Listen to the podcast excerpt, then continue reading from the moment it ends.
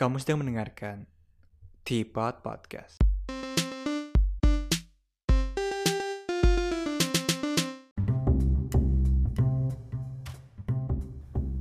Hello, welcome back to Teapot. Baik lagi bersama gue, Fernando Sugianto. And wow, udah lama banget gak ngomong kayak gitu, gak berasa. Udah 7 bulan sejak episode sebelumnya. Um, kalau ada yang masih inget, di episode terakhir itu gue bilang next episode bakal rilis dua minggu lagi. Eh, taunya jadi 7 bulan. But ya, yeah, uh, kalau mau ngeles kayak konten-konten creator pada umumnya, mungkin gue bakal bilang gue vakum 7 bulan ini buat, buat mempersiapkan konten-konten yang lebih menarik buat season 2 tapi ya no excuse. Emang males aja sih. Uh, sekali males jadi keterusan juga. Kalau dibilang sibuk uh, maybe. Tapi kalau mau nyisain waktu mah seharusnya sih bisa-bisa aja ya. So ya yeah, gue nggak mau sok-sokan mulai quote on quote season baru karena ya gue belum yakin sih ini akan lanjut rutin apa enggak tapi ya dicoba dulu lagi aja kan ya. Nah, sejujurnya gue juga bingung sih di episode ini mau ngomongin apa atau lebih tepatnya terlalu banyak topik yang udah kelewat. Jadi mungkin nggak relevan lagi buat dibahas atau ya udah lupa aja. Jadi ya gue coba ngeliat topik-topik apa aja yang yang lagi rame akhir-akhir ini. Expectedly covid masih jadi topik yang hangat sampai sekarang. Udah udah tahun baru udah hampir setengah tahun malah. But still New Year same shit. Nggak tahu kapan ini kelar. Semoga aja sih vaksinasi yang lagi berlangsung bisa apa ya percepat kelar pandemi inilah.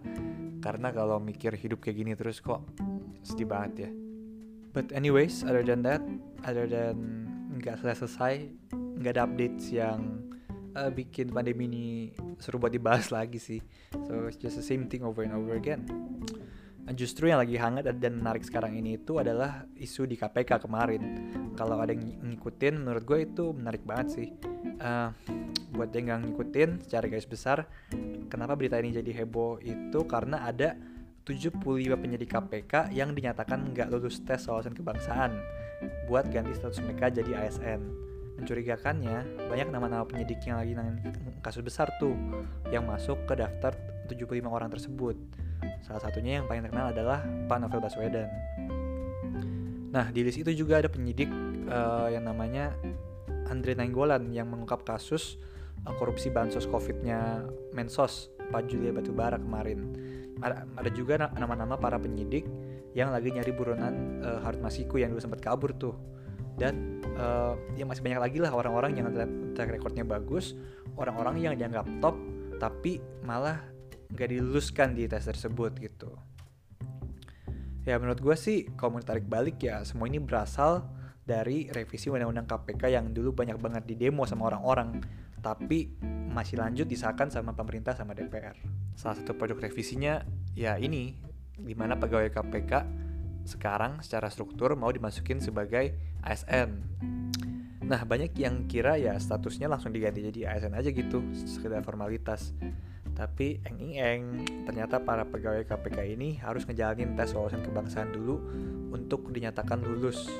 Nah, dari hasil tes ini, kayak tadi gue bilang, uh, ada 75 penyidik KPK yang nggak nggak lolos dan uh, terancam jabatannya, termasuk salah seorang penyidik uh, yang paling terkenal, uh, si Pak Novel Baswedan. Pertanyaan di tesnya pun ada yang dianggap diskriminatif dan gak, dan gak relevan di mana akhirnya ujung-ujungnya sih karena banyak dapet kecaman dari masyarakat Pak Presiden Jokowi sempat buka statement juga yang intinya hasil tes itu nggak serta merta bisa dipakai buat mecat anggota KPK ya akhirnya setelah diusahakan 24 dari 75 orang itu bakal dibina lagi katanya. Tapi 51 sisanya udah nggak bisa dibina dan bakal dikeluarin dari KPK tapi uh, pas nonton pembahasan ini di mata Najwa juga para penyidik ini bilang mau mereka masuk ke grup yang quote on quote bisa dibina atau yang nggak bisa dibina lagi mereka bakal nolak sih karena udah merasa sangat terhina gitu yang menurut gue make sense banget karena kayak kesannya nggak lolos tes wawasan kebangsaan ini mereka seakan-akan tuh uh, dicap radikal teroris gak cinta tanah air uh, dan hal-hal negatif lainnya lah I mean, kebayang gak sih udah belasan tahun ngelawan korupsi buat negara sendiri, tapi akhir-akhirnya malah dicap kurang cinta bangsa gitu. Ironis banget dah. Banyak juga yang lihat ini sebagai langkah berikutnya dari pelemahan institusi, institusi KPK sejak uh, revisi undang-undang KPK itu ya. Tapi gue pikir sih apa masih mewujudkan lagi ya karena dari awal kan memang revisi undang-undang KPK itu sendiri udah meresahkan dari pemerintah, DPR yang ngesainnya juga terkesan buru-buru. Nah sekarang giliran gini mungkin tadi Pak Jokowi udah ngeluarin statement juga buat apa ya mengkritik hal itu. Tapi kalau mau dilihat secara objektif ya ini salah satu missnya kali ya dari Pak Jokowi yang kurang tegas dan kurang teliti kemarin pas mau ngesain undang-undang ini. Harusnya kan sebelum disahkan ini cermati dulu dong ada gak potensi-potensi blunder yang bisa dihindari? Dan ini juga bukan serta merta salahnya Pak Jokowi sendiri juga. Anggota anggota DPR pun yang ngeklaim mereka nggak berusaha melemahkan KPK ini seharusnya mereka juga menguji materi. Ini lagi lebih dalam. Jangan sampai ada celah yang bisa digunakan pihak-pihak yang tidak bertanggung jawab buat uh, ngelakuin hal seperti inilah gitu ya akhirnya kan ya kalau kita dari awal emang semua prosedur dan transisi ini nggak disiapin dengan matang uh, sebelum disahkan dan akhirnya membuka banyak interpretasi dan banyak celah buat yang aneh-aneh deh. Menurut gue juga teguran Pak Jokowi pun terlihat seperti formalitas ya yang akhirnya karena dia pun sadar mungkin kalau jajarannya kali ini kurang kompak kalau menghadapi suatu masalah gitu. Kebijakannya pada saling bentrok kayak dapat arahan yang berbeda gitu uh, antara satu anggota dengan anggota lainnya. Banyak kasusnya kan hmm, yang nunjukin hal ini juga kayak penanganan covid yang kurang jelas. Bahkan kemarin pas mau mudik pun juga beda-beda suaranya. Awalnya menteri perhubungan bilang boleh mudik terus uh, pak wapres Maruf Amin bilang siapa yang bilang boleh mudik? Dan akhirnya Indian diputuskan ternyata dilarang mudiknya gitu. Kan jadi aneh kan ini kayak lagi pada WFH Zoom meetingnya beda room kali ya jadinya sinerginya ada kurang gitu. Um, so ya kembali ke topik interesting to see sih di mana di sosial media orang-orang yang selalu ngebelain pemerintah awalnya uh, kan pas lagi banyak demo bilang enggak kok undang-undang ini bagus harusnya bakal memperkuat KPK memperjelas status uh, para penyidik KPK dan lain sebagainya. Terus pas kasus korupsi uh, menteri pada ketangkep dari uh, Pak Mensos Julia Batubara habis itu Pak Edi Prabowo waktu kasus benih lobster pada ketangkep mereka kan pada bilang tuh tuh kan mana ada pelemahan KPK malah makin garang kok KPK. Nah, tapi sekarang pas orang-orang hebat yang bikin penangkapan itu malah secara ironis dikeluarin dari KPK karena nggak lulus sebuah tes kebangsaan, mereka mungkin yang buzzer-buzzer pemerintah ini juga bakal ngebelain ke keputusan pemerintah. Dengan dalih orang-orang yang dikeluarin itu orang-orang yang nggak bener, orang-orang Taliban, orang-orang teroris dan lain sebagainya kan kocak dan kontradiktif banget ya orang-orang yang pengen ngancurin negara ini menghabiskan belasan tahunnya untuk membuatnya lebih baik gitu. Uh, tapi setelah sekian lama ngikutin berita politik, uh, well I guess that's politic logic. Nggak jarang ngelihat lo logika yang nggak masuk akal asalkan ya kepentingan mereka jalan terus. So yeah, we'll see how it goes uh, in the end deh. Tapi it's, it's so sad to hear the news. Sedih banget dengar beritanya. Karena ya pas lihat profil-profil orang-orangnya emang orang-orang hebat orang-orang yang cinta negeri sih. Sayang banget kalau dikeluarin uh, hanya serta merta mereka nggak lulus sebuah tes yang bahkan indikator kelulusannya pun uh, katanya kurang jelas dan kurang transparan ya. So ya yeah, we'll see how it goes deh. Mungkin satu lagi yang lagi rame juga akhir-akhir ini itu ada uh, konflik Israel Palestina ya. And probably there's no need to debate who's right or who's wrong because apparently gue dengar di sebuah podcast juga kalau konflik ini itu starts way back dan pastinya historical context juga penting buat kita pinpoint titik di mana konflik ini dimulai. Tapi ya uh, all things aside yang gue tahu ngebunuh orang itu ya pasti salah lah ya menurut gue yang ngebunuh mencabut nyawa orang itu suatu hal yang paling parah kali ya yang, yang lu bisa lakuin.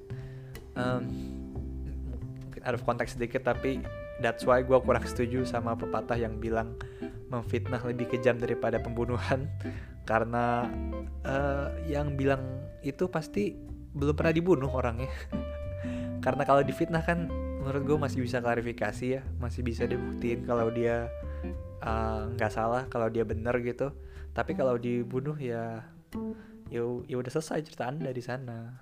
So uh, kembali ke topik mungkin and I don't freaking get it kenapa di tengah-tengah covid begini masih ada orang-orang yang mikir sepertinya negara kita kekurangan masalah perang apa perang? Biar makin seru gitu. Gue juga nggak ngerti kenapa di zaman sekarang masih ada yang kalau mau ngancurin negara orang tuh harus dengan perang, bom, pembunuhan dan lain sebagainya. Kan secara biaya atau costnya itu kan besar banget ya biaya militer, biaya pertahanan, belum lagi reputasi internasional lu yang bakal uh, rusak karena ya bunuh orang gitu. Ini pasti kan sebenarnya di pemerintahnya pasti kan juga ada orang yang mikirin dan ngitungin cost benefit analisisnya nih dan setelah ngitung semua itu masih bilang ya kayaknya kita perang aja boleh nih bos. Kayaknya masih, masih oke nih untungnya. Mean nggak habis pikir sih. Di tengah pandemi loh. Lalu pada sibuk-sibuk ngurusin covid belum kelar-kelar ini malah bikin perang. Uh, padahal kan ya kalau mau ngancurin negara orang kan banyak cara yang lebih elegan dan terbukti ya. Kirim aja baca-baca sosmed uh, ke negara itu. Sebar hoax kayak kan kita bisa memecah belah negara dari dalam. Lebih elegan low cost pula. Reputasi internasional menurut gue pastinya kalau dengan cara-cara seperti itu lebih aman juga sih. Kalau dengan cara ngebom gini mah pasti rusak reputasinya. Orang di Indonesia ngasih anak kecil beli voucher game 800 ribu aja bisa viral dan dikecam netizen. Apalagi ngebom gedung di negara orang kan. Ya pasti bakal rusak reputasinya and anyways uh, kalau soal konfliknya itu sendiri gue sebenarnya uh, masih kurang ngerti masih banyak yang harus gue riset buat uh, share ke kalian juga. Tapi ya cari sendiri cari tahu sendiri juga lah jangan terlalu males untuk baca berita. And ya mungkin untuk episode ini cukup dulu aja. Ini masih ada yang dengerin sampai habis sih by the way? Uh, but never mind. Uh, it's just good to be back hmm, lumayan kangen juga bikin episode podcast. Dan uh, gue nggak tahu bakal rutin lagi apa enggak tapi ya thank you banget buat yang udah dengerin sampai habis. So let me know what you think. Let me know kalau ada yang pengen gue bahas. Lah. Kayak pendapat gue penting aja ya kan. And, dan seperti biasa if you just wanna say hi bisa langsung follow dan sapa gue di Instagram at podcast dan bisa follow juga podcast ini di Spotify at Tipot Podcast buat dapetin updatesnya. Kali-kali aja kan gue ngepost lagi.